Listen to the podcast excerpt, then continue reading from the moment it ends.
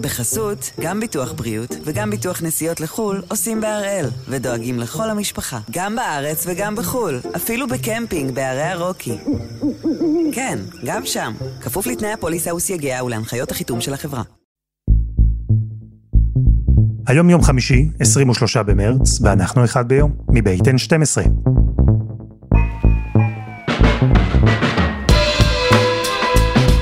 אני אלעד שמחיוף, ואנחנו כאן כדי להבין טוב יותר מה קורה סביבנו, סיפור אחד ביום, בכל יום.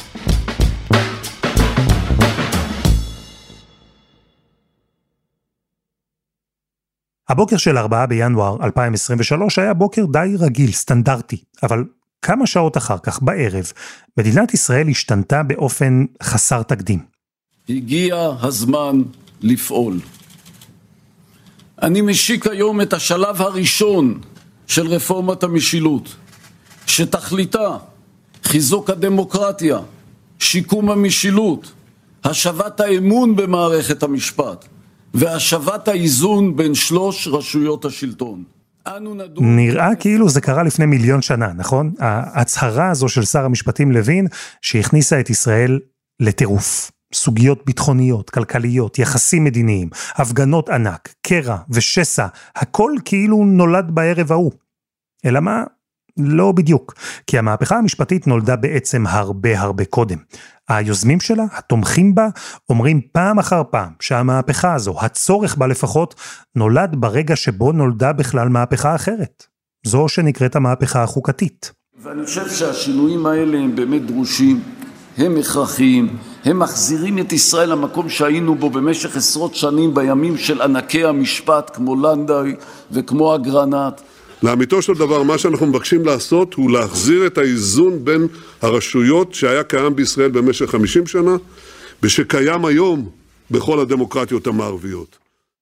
ואותם אנשים שתומכים במהפכה מדברים עם מוזיקה של געגוע. של רצון לתיקון, של רצון לחזור לימים שבהם הדמוקרטיה הישראלית הייתה לטענתם טובה יותר, חזקה יותר, מאוזנת יותר. הימים שלפני האקטיביזם השיפוטי, לפני שבג"ץ לקח לעצמו סמכויות, לפני שהכוח של נבחרי הציבור, כך טוענים תומכי המהפכה, נחטף לידיים של שופטי העליון.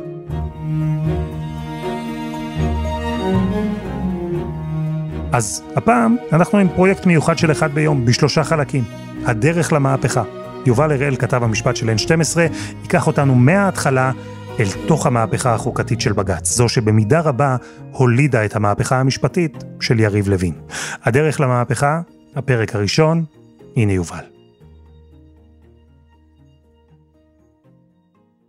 בואו תשמעו קטע מוזר. לפני כמה ימים נכנסתי ליוטיוב וכתבתי הכרזת העצמאות. זה טקסט שעד היום מתווכחים עליו, מביאים אותו להפגנות, עד היום הוא משפיע. אז רציתי להשמיע חלקים ממנו. אנו מכריזים בזאת על הקמת מדינה יהודית בארץ ישראל. היא מדינת ישראל. את הקטע הזה כולם מכירים. זה הרגע הכי איקוני והכי מוכר מהכרזת העצמאות. רק שזה לא הסוף של ההכרזה. אם תפתחו את הטקסט של מגילת העצמאות, את הקלף המפורסם, תסתכלו על הפסקה שמופיעה אחר כך, אתם תראו משפט קצת פחות זכור ממגילת העצמאות, משפט שאומר שתיקבע חוקה עד 1 באוקטובר 1948. זה מה שמופיע בטקסט, רק שבהקלטה בעמוד היוטיוב של הכנסת ובארכיון המדינה, מופיע משהו אחר.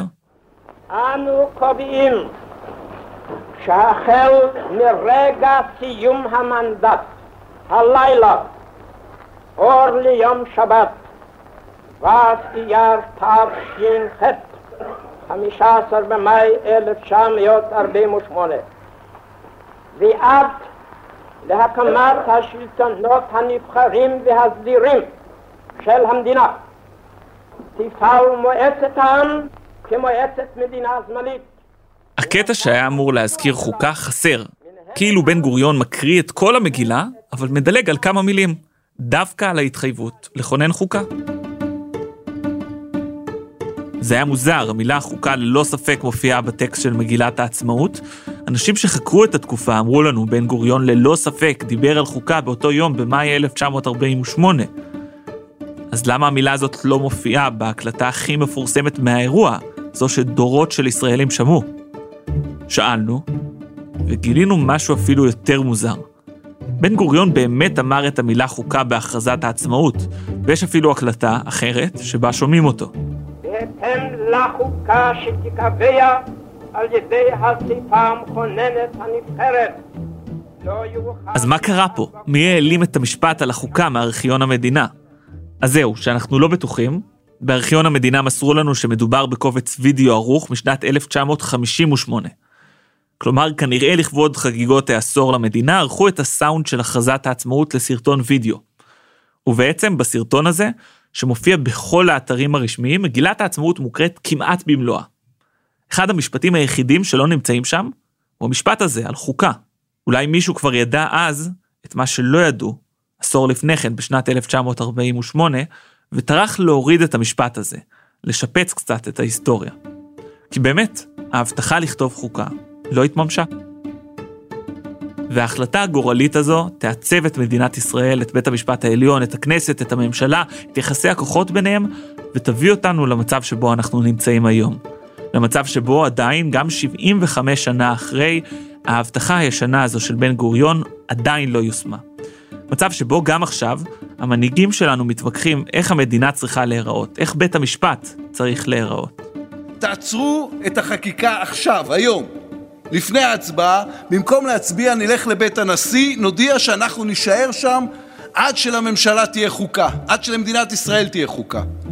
פרק א' של החוקה כבר כתוב, קוראים לו מגילת העצמאות.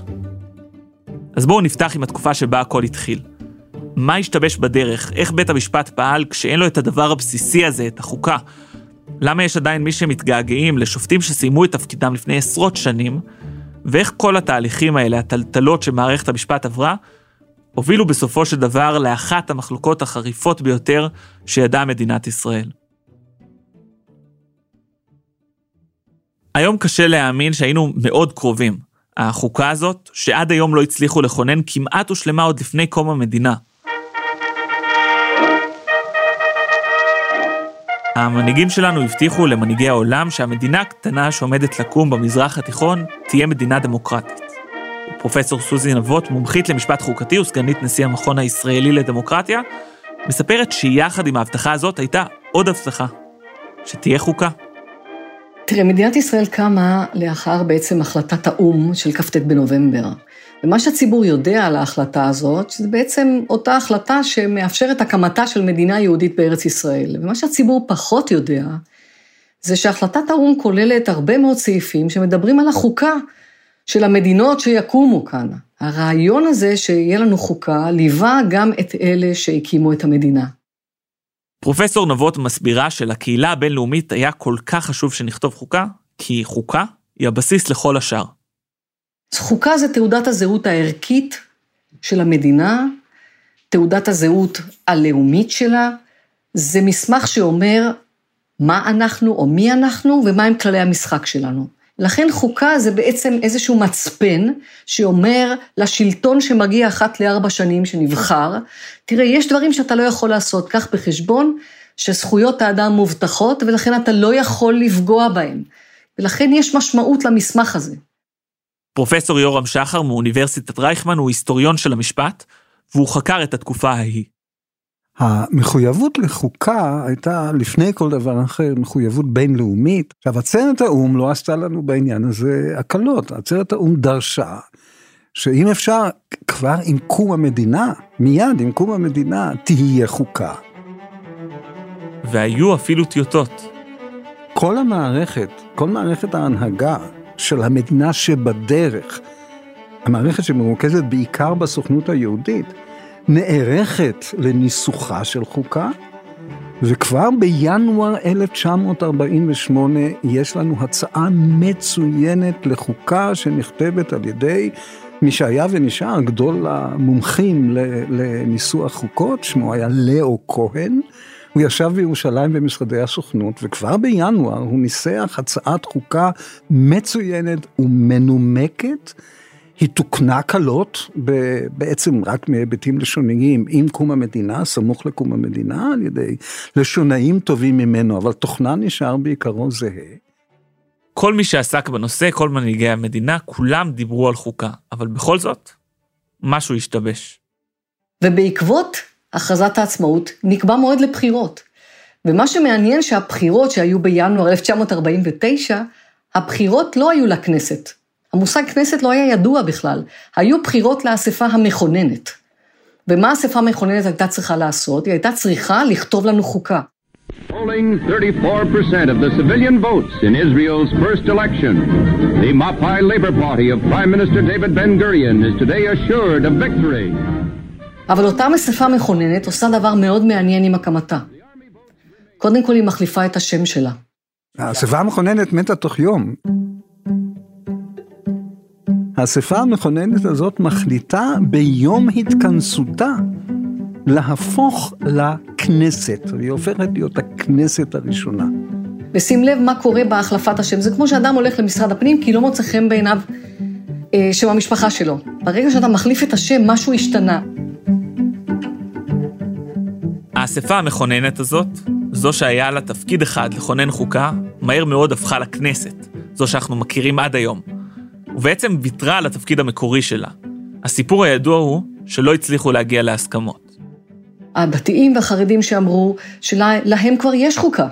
התורה היא החוקה שלנו, וזאת מדינה יהודית, ולכן לא יעלה על הדעת שיהיה איזושהי נורמה שהיא כתובה, שמי שכתב אותה זה לא האל כמו שכתבו את, את, את התורה.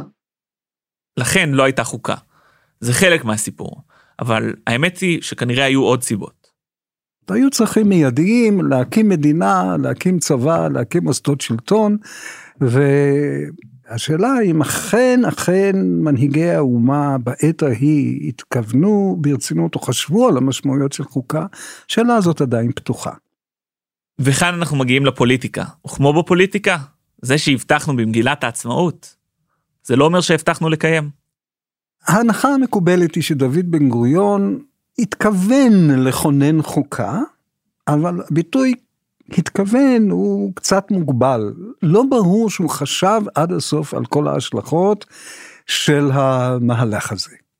הוא כנראה שינה את דעתו בהתאם להתפתחויות שהוא חווה מצד מערכת השפיטה ובעיקר בית המשפט העליון. במילים אחרות, אין חדש תחת השמש.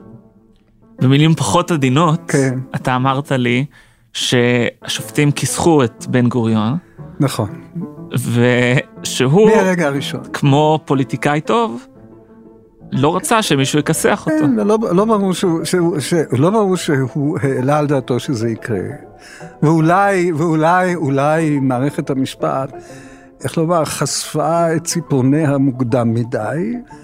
ההנהגה הבכירה בראשות דוד בן גוריון מופתעת שבוע אחר שבוע, ולמעשה כמעט מהיום הראשון, יש מהלכים אשר בהם שופטים של בית המשפט העליון, גם לפעמים בתי משפט אחרים, מרסנים את השלטון ומנהיגים, זה טבעם, לא אוהבים את זה. בן גוריון, כמו הרבה פוליטיקאים, לא אהב שיש מישהו שאומר לו מה לעשות, והוא ידע שאם תהיה חוקה לישראל, הוא יוגבל אפילו יותר. ובכל זאת, היו גם בכנסת הראשונה כל מיני ניסיונות.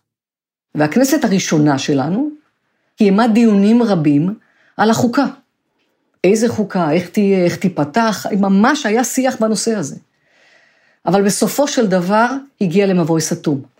ונדמה לי שמדינת ישראל קיבלה החלטה שהיא מאוד אוהבת לקבל, וזו החלטה שלא להחליט. במקום לקבל חוקה, יש לנו רעיון אחר, מי שהגה את הרעיון היה חבר כנסת הררי באותה תקופה, ולכן להחלטה הזאת קוראים החלטת הררי, מאוד מפורסמת.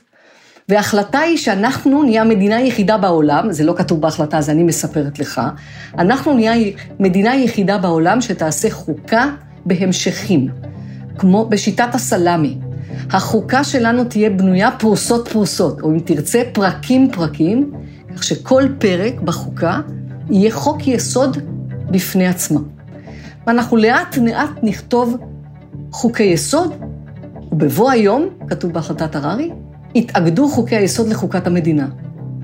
מה שההחלטה הזאת שכחה לספר לנו, זה אחד, מה המעמד של חוקי היסוד, ושניים, כמה זמן זה ייקח. את הרגע הזה כדאי לזכור, כי בעצם עד היום, הכנסת היא זו שמכינה את פרוסות הסלאמי האלה, את חוקי היסוד. היא גם כותבת את הכללים, את החלקים מהחוקה, והיא גם כפופה לכללים האלה. זה עוד יפגוש אותנו בהמשך, אבל בינתיים, בית המשפט היה צריך להתנהל עם מה שיש לו, בלי חוקה, בלי כללים ברורים. חסות אחת, וממש מיד חוזרים.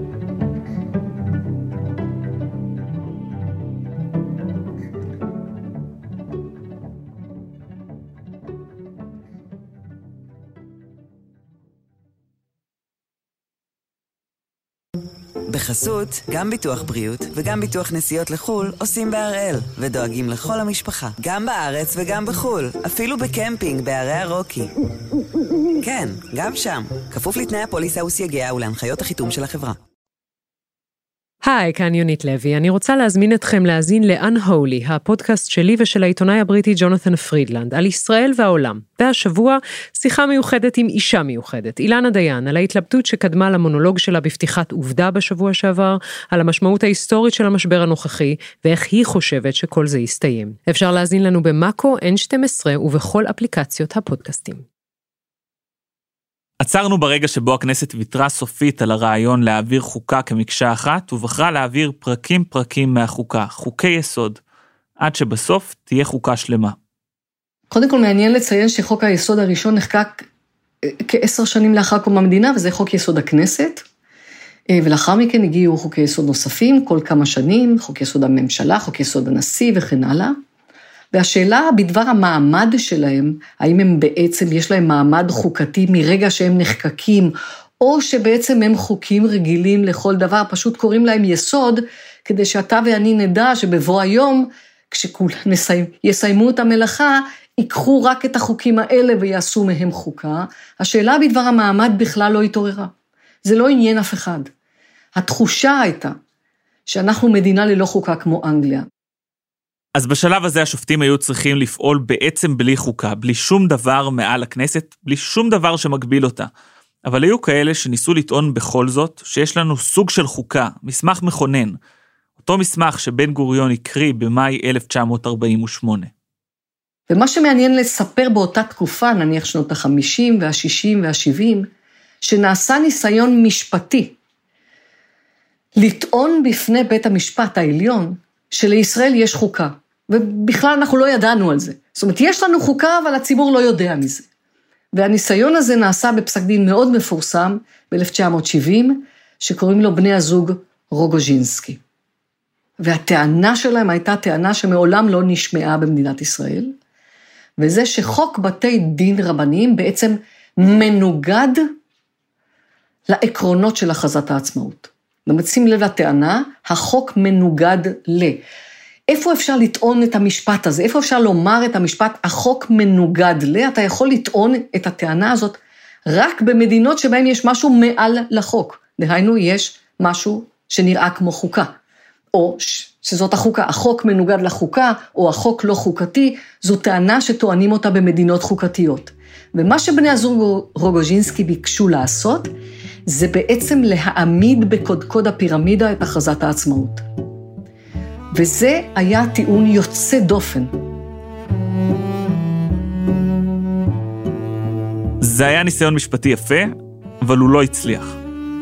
אני כל הזמן תוהה ביני לבין עצמי, מה היה קורה לו באותו תיק ב-1970, השופט שישב בהרכב, ראש ההרכב, השופט ברנזון, היה אומר, תראו, בני הזוג רוגוז'ינסקי, טוב שבאתם אליי, אני כבר המון זמן רוצה לכתוב פסק דין על מעמדה של הכרזת העצמאות. לדעתי האישית, כך היה נניח באופן תיאורטי כותב השופט, אני חושב שלא ייתכן שיש מדינה בלי חוקה, ב-1970 בעולם, לא יכול להיות דבר כזה, ולכן אני חושב שהכרזת העצמאות זה החוקה של המדינה. אני רואה חוקה. מה היה קורה למדינת ישראל אם כך היה קובע אותו שופט, מה היינו עושים, אתה ואני ומי ששומע אותנו, למחרת היום, בהנחה שהיינו כולנו פה? אני משאירה את כל השאלות האלה בסימן שאלה מסיבה מאוד פשוטה שזה לא קרה. זה לא קרה, אבל אני אומרת, זה יכול היה לקרות. אז לפי בית המשפט של שנת 1970, למגילת העצמאות אין מעמד של חוקה. ומה עם חוקי היסוד, החלקים האלה מהחוקה שהחליטו להעביר פרקים פרקים? בפועל, חוקי היסוד שעברו עסקו במוסדות השלטון, חוק יסוד הכנסת, חוק יסוד הממשלה ועוד ועוד. אף חוק יסוד לא עסק בזכויות האדם, אחד החלקים הכי חשובים בכל חוקה. ובית המשפט לא פסל חוקים שסותרים את חוקי היסוד שנחקקו בימים ההם, עד שפעם אחת היה מקרה חריג, אירוע יוצא דופן שלא קרה לפני כן. חוק היסוד הראשון שנחקק, חוק יסוד הכנסת, כלל סעיף שיש לו בעצם מאפיין חוקתי. וזה הסעיף שקובע את שיטת הבחירות בישראל. ואז התוספת לסעיף הזה זה שאין לשנות את הסעיף הזה, אלא ברוב של חברי כנסת. כשאומרים ברוב של חברי כנסת, הכוונה היא ברוב של 61. הסעיף הזה, סעיף 4 לחוק יסוד הכנסת, קבע כל מיני תנאים לבחירות. כלליות, ארציות, ישירות, שוות ועוד כל מיני תנאים כאלה. ועוד כתוב בו שאפשר לשנות אותו רק ברוב של 61 חברי כנסת ומעלה. אז מה קורה אם נניח הכנסת מחוקקת חוק שפוגע באחד מהעקרונות שכתובים בשיטת הבחירות? נניח שהכנסת מחוקקת חוק, אה, והיא אומרת שהג'ינג'ים, כי אי אפשר אה, משהו במשפט חוקתי בלי לדבר על ג'ינג'ים, שהג'ינג'ים לא יוכלו להצביע בבחירות. מי, יבדוק, מי יגיד לכנסת שזה לא בסדר? או ונניח שהכנסת מחוקקת את זה כמו שהיא מחוקקת כל חוק, ברוב רגיל. אז השאלה הזאת נשארה שאלה פתוחה, עד אשר באמת קרה משהו. ב-1969 אכן נחקק חוק מימון מפלגות, שבעצם עסק בחלוקת כסף, איך מממנים מתקציב המדינה את המפלגות כדי שיוכלו להתמודד בבחירות. החוק הזה שעסק במימון מפלגות קבע שהמפלגות הגדולות יקבלו הרבה כסף, הקטנות יקבלו פחות, והמפלגות החדשות לא יקבלו בכלל. אז המפלגות החדשות והקטנות לא יכלו להתמודד בצורה שווה. ומישהו פנה לבג"ץ בטענה, שוב, שאנחנו לא רגילים לשמוע, בדיוק כמו שהטענה שדיברנו עליה קודם בפסק הדין של רוגוז'ינסקי. מישהו אמר שהחוק הזה שעוסק במימון מפלגות מנוגד לחוק יסוד הכנסת, בסעיף הזה שהוא סעיף משוריין, זאת אומרת שאי אפשר לשנות אותו, אלא ברוב של 61, והם לא העבירו את החוק הזה ברוב 61. זאת אומרת, הם ביקשו מבית המשפט משהו שהוא לכאורה נשמע מאוד טכני, אבל המשמעות שלו זה היכולת לבטל חוקים. הם באו לבית המשפט ואמרו את, ה, את הקוד הזה, משפט המפתח, החוק מנוגד ל. וכשאתה אומר החוק מנוגד ל, אתה שוב מניח שיש משהו מעל לחוק. והנה גם במקרה הזה, השופטים היו צריכים להכריע בטענה יוצאת דופן. הפעם, העותרים לא השתמשו במגילת העצמאות, אלא בחוק יסוד. בית המשפט העליון, לא רק שהוא בדק אם החוק פוגע בעקרון השוויון בבחירות, הוא אמר בוודאי שהוא פוגע, כי המפלגות החדשות לא יכולות אפילו להתמודד. ולכן הוא מודיע לכנסת, אתם, כנסת נכבדה, יכולה לעשות אחת משתיים. או שתחוקקו את זה עוד פעם, ברוב של 61 ואז זה יהיה בסדר, או שתחוקקו את החוק הזה עוד פעם, ואז תיתנו קצת יותר כסף כדי שהחוק לא יפגע בעקרון השוויון. ובזה נגמר פסק הדין. ומספרים אנשים שהיו שם באירוע הזה, שכאשר פסק הדין הוקרא, האנשים הוכו בהלם באולם, ושאלו אחד את השני, האם אתה הבנת מה שהשופט עשה כאן? כי בפועל מה שעשה השופט לנדאו, הוא ביטל חוק של הכנסת. זו הייתה הפעם הראשונה שבית המשפט פסל חוק של הכנסת. וקרה פה משהו. משהו שלא קרה מאז קום המדינה. משהו שאחז את מי שישב באותו רגע בבית המשפט בהלם. ולמרות הדרמה, הנימוק בפסק הדין הזה היה פורמלי, כמעט טכני. החוק לא עבר לפי הדרישה בחוק היסוד ברוב של 61 ומעלה. שום דבר לא מונע מהרוב בכנסת, אם הוא ירצה, להעביר את החוק מחדש. כך שבעצם, גם פסק הדין הדרמטי הזה לא הגביל את הכנסת יותר מדי. כמו שלוין ורוטמן אומרים, בית משפט מרוסן ושמרן. למגילת העצמאות אין מעמד גבוה יותר מחוקים רגילים, וגם חוקי היסוד, חתיכות הסלאמי האלה מהחוקה, רק סעיף חריג במיוחד הצדיק פסילה של חוקים, וגם זה, כל עוד החוק עבר בפחות מ-61 אצבעות. אבל במובן אחר, בית המשפט דווקא היה די אקטיבי. זה התחיל מהר מאוד אחרי קום המדינה, ולאט לאט עם הזמן השופטים עיגנו כל מיני זכויות. זכויות שלא היו כתובות בשום מקום אחר. בעיניי זאת אולי התרומה החשובה ביותר של בית המשפט העליון שלנו בשבתו כבג"ץ, למשפט הישראלי בכל הזמנים. הוא יצר כלל פרשנות ממש עם קום המדינה, שאומר שבעצם הרשות השלטונית, הרשות המבצעת, לא יכולה לפגוע בזכויות האדם, בכלל לא יכולה לעשות את זה, אלא אם היא קיבלה סמכות מפורשת מן הכנסת לפגוע בזכויות אדם. בעזרת הזכויות הלא כתובות האלה, השופטים ביטלו כמה החלטות של הממשלה ושל הגופים שתחתיה, קבעו שהם לא יכולים לפגוע בזכויות בלי הסמכה מפורשת בחוק. והאמת, שזה התחיל ממש מוקדם, לא הרבה זמן אחרי קום המדינה. ואולי הדוגמה, אחת הראשונות, זה עם הקמת המדינה, פסק דין אה, דווקא נגד דוד בן גוריון, מאוד מפורסם, שנקרא דוקטור ישראל אלדד שייב. שייב היה פעיל לח"י, ולאחר הקמת המדינה הוא היה, אה, הוא ביקש אה, להיות מורה בישראל. והוא עמד בכל התנאים, כמובן, לקבל אישור לעבוד כמורה, הוא היה מורה לדקדוק למיטב ידיעתי, ואז דוד בן גוריון הוציא הנחיה שלשייב אין לתת אפשרות ללמד. מספרים שכששאלו את דוד בן גוריון למה זה, אז האמירה המיוחסת לו זה, הוא מכל חיריק יעשה פוליטיקה. ולכן יצאה הנחיה כזאת, ובית המשפט קבע שלכל אדם יש בעצם את הזכות לחופש עיסוק, ואי אפשר להגביל את הזכות הזאת, אלא אם ניתנה הוראה מפורשת אוקיי, בחקיקה. ולכן אי אפשר בהנחיה של שר הביטחון לפגוע בחופש העיסוק של המורה. אז כאן וגם בפסקי דין נוספים, בית המשפט הכיר בזכות לחופש העיסוק, למרות שחוק יסוד חופש העיסוק עבר כמעט חצי מאה אחר כך. וזו לא הזכות היחידה. בג"ץ הכיר גם בחופש הביטוי למשל, בפסק דין כל העם ב-1953.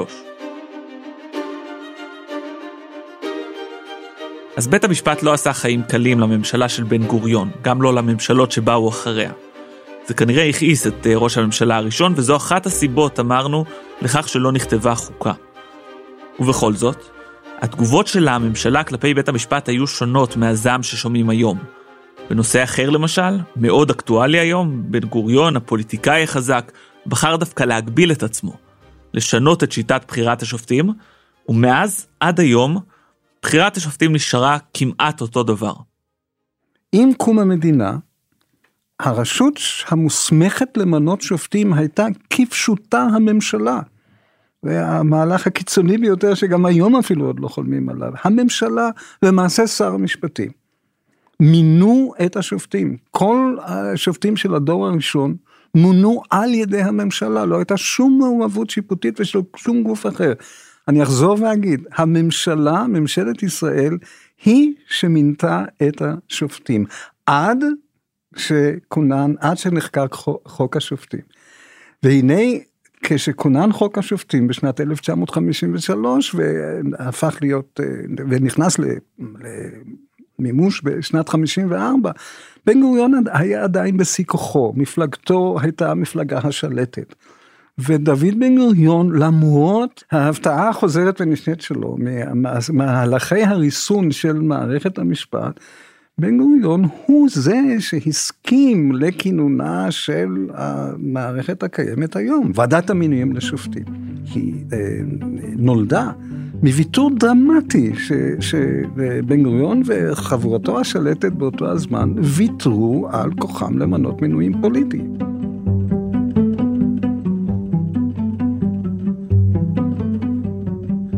חוץ מבחירת השופטים, כבר הבנתם, הרבה דברים היו שונים מאוד בבית המשפט ההוא בעשורים הראשונים של המדינה. פסילת חוקים, גם עילת הסבירות הייתה שונה לחלוטין ממה שאנחנו מכירים היום, והיא לא חלה על כל סוגי ההחלטות המינהליות. בתקופה ההיא, הכל היה קטן יותר, מדינה קטנה יותר, בניינים קטנים יותר, וגם בית המשפט, כשהוא הוקם, הוא לא היה במבנה הגדול והחדש. במובן מסוים, המבנה הפיזי שלו סימל גם את התפקיד שלו בחברה הישראלית של אז. דוקטור מיכל שקד התמחתה בבית המשפט העליון, אחר כך הופיעה מולו כנציגת מחלקת בג"צים בפרקליטות, ולבסוף כתבה ספר על השופט לנדאו, השופט שלוין ורוטמן מזכירים כל הזמן. ביקשנו ממנה להיזכר ולקחת אותנו אחורה. בית המשפט ישב בקומה שלישית, המסדרון היה כמו של מלון ישן, זאת אומרת חדר משמאל, חדר מימין, חדר משמאל, חדר מימין לאורך המסדרון, עם שטיח די מרופט. בית המשפט היה בחלק מבנה שהיה מנזר קודם, וחלק מהמבנה המשיך להיות מנזר, וראינו את ה... כמו שכותב אביגדור פלדמן, ראינו את הנזירות תולות את התחתונים שלהם על חבלים מתחת לבית המשפט. ככה היה בית המשפט. יום אחד למשל החליטו להתקין אזעקות לשופטים, שיוכלו ללחוץ ברגל אם קורה משהו. אף אזעקה לא פעלה. אז כמו שתמיד יש מי שמתגעגעים לתקופה ההיא, אז גם במערכת המשפט ובעיקר במערכת הפוליטית, יש מי שמתגעגעים לבית המשפט הקטן ההוא. אחד מהם הוא דוקטור אביעד בקשי, ראש המחלקה המשפטית בפורום קהלת, ואחד ממי שהתניעו את המהלכים של לוין ורוטמן מאחורי הקלעים. אני חושב שבית המשפט אה, העליון ידע למצוא את האיזון הנכון בין מצד אחד ביקורת שיפוטית אפקטיבית על פעולות הממשלה, ביקורת שיפוטית אפקטיבית שמגינה על זכויות האדם בישראל, על המינהל התקין, אבל הוא לא הפך את עצמו לפוסק על, הוא לא הפך את עצמו למתווה המדיניות במדינה. זה היה האיזון הנכון, ואני חושב שצריך לחזור אליו. דוקטור בקשי טוען שבית המשפט ההוא שמר על מקומו הראוי. לגבי העובדה שבית המשפט של שנות ה-50, 60, אה, ביצר את ההגנה על זכויות אדם לפעמים מתוך חקיקה שיפוטית, אני מברך על כך, אני לא חושב שצריך ללכת עד הקצה השמרני ביותר. אה, יש מקום לבית המשפט להתערב במצבים שבהם החקיקה לא עושה את שלה, במצבים שבהם באמת נדרשת הגנה על זכויות אדם, אבל בתנאי אחד, בתנאי שבסופו של דבר בית המשפט מקבל את ריבונות העם, כפי שבאה לידי ביטוי בריבונות המחוקק ובריבונות האספה המכוננת. בשלב שבו הנורמה העליונה במדינה, בין אם זה חוק ובין אם זה חוק יסוד ובין אם זה חוקה, אומרת משהו אחר לבית המשפט, הוא צריך לחוף את ראשו ולקבל את הכרעת המחוקק, כי אחרת בית המשפט לא כפוף לשלטון החוק, אחרת הוא לא כפוף לשלטון העם. ולדברי בקשי, זה בדיוק הגבול הדק שבית המשפט צריך לשמור עליו, גם אז וגם היום. למשל, דוגמה, כאשר uh, בשנת 1969 בית המשפט העליון מחליט לפרש את uh, חוק השבות בשאלת מיהו יהודי, כאילו היהדות נקבעת, uh, כך הוא קבע שה, שהיהדות נקבעת לפי האב ולאו דווקא לפי האם. פרשנות לגיטימית של בית משפט בניגוד למסורת ההלכתית היהודית, אבל המחוקק הגיב והמחוקק תיקן את החוק. לאחר שהמחוקק תיקן את החוק ב-1970 וקבע שיהדות נקבעת לפי האם ולא לפי האב, ולכן בשלב שבו יש חקיקה, בית המשפט השיג את דעתו לאחור. בית המשפט של ימינו לא נוהג כך. לעומת בקשי, דוקטור מיכל שקד חושבת שהשימוש בבית המשפט הישן עושה לו הרבה עוול. ושגם השופט לנדאו, שהם מזכירים כל הזמן, היה אמנם שמרן, אבל שמרן במובן אחר. לנדאו היה שמרן לפי הגדרה עצמית קודם כל. הוא היה שמרן בעיקר בזה שהוא האמין בלפתח את המשפט לאט, לא בקפיצות. והערגה היום אל, הנס, אל הנשיא לנדאו, אני אומרת, די מסולפת. אילו היה היום, הוא היה מתפלץ. עכשיו, בתור שמרן, הוא היה די מהפכן. הוא נתן די הרבה פסקי דין פורצי דרך. דוקטור מיכל שקד מזכירה כאן את פסקי הדין הדרמטיים של בית המשפט העליון באותה תקופה, שעל חלקם חתום גם השופט לנדאו, כמו פסק הדין על מימון המפלגות שדיברנו עליו קודם. אבל כל זה הוא פסיק ממה שעוד צפוי לקרות. כי כל הדברים האלה שדיברנו עליהם הולכים להשתנות מהקצה אל הקצה. החטא הקדמון, ההחלטה שלא להעביר חוקה שלמה, תלווה אותנו בעצם עד היום. אבל בערך 45 שנה אחרי קום המדינה, באמצע שנות ה-90, חלה תפנית. אני לא מכירה חוקות שנכתבות על פני עשרות שנים. אין תופעה כזאת. יכול להיות שהם חשבו שזה ייקח עוד אולי שנה, שנתיים, שלוש, ארבע, אבל בוודאי הם לא צפו שזה ייקח 40, 50, 60 ו-75 שנה. וזה חייב חשיבה מחודשת של בית המשפט, אני חושבת, כשהוא ראה שהנושא הזה שנקרא השלמת החוקה לא מתקדם. אז כנראה מתקבלת החלטה גם בכנסת, אבל גם בבית המשפט, שצריך לעזור. צריך לעזור, לה, לסייע, אולי למחוקק, להשלים את התהליך הזה. ובית המשפט אומר, בעצם אמר, בשלבים יותר מאוחרים, אני במובן מסוים מסייע לכנסת להשלים את המהלך החוקתי.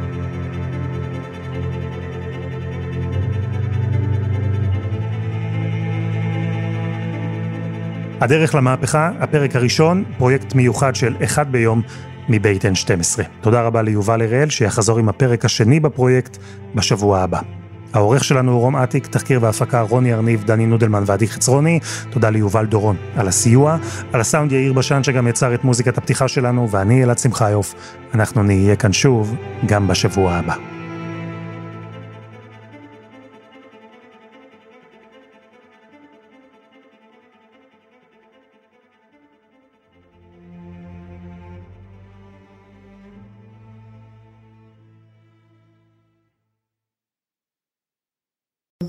בחסות, גם ביטוח בריאות וגם ביטוח נסיעות לחו"ל עושים בהראל, ודואגים לכל המשפחה, גם בארץ וגם בחו"ל, אפילו בקמפינג בערי הרוקי. כן, גם שם, כפוף לתנאי הפוליסה וסייגיה ולהנחיות החיתום של החברה.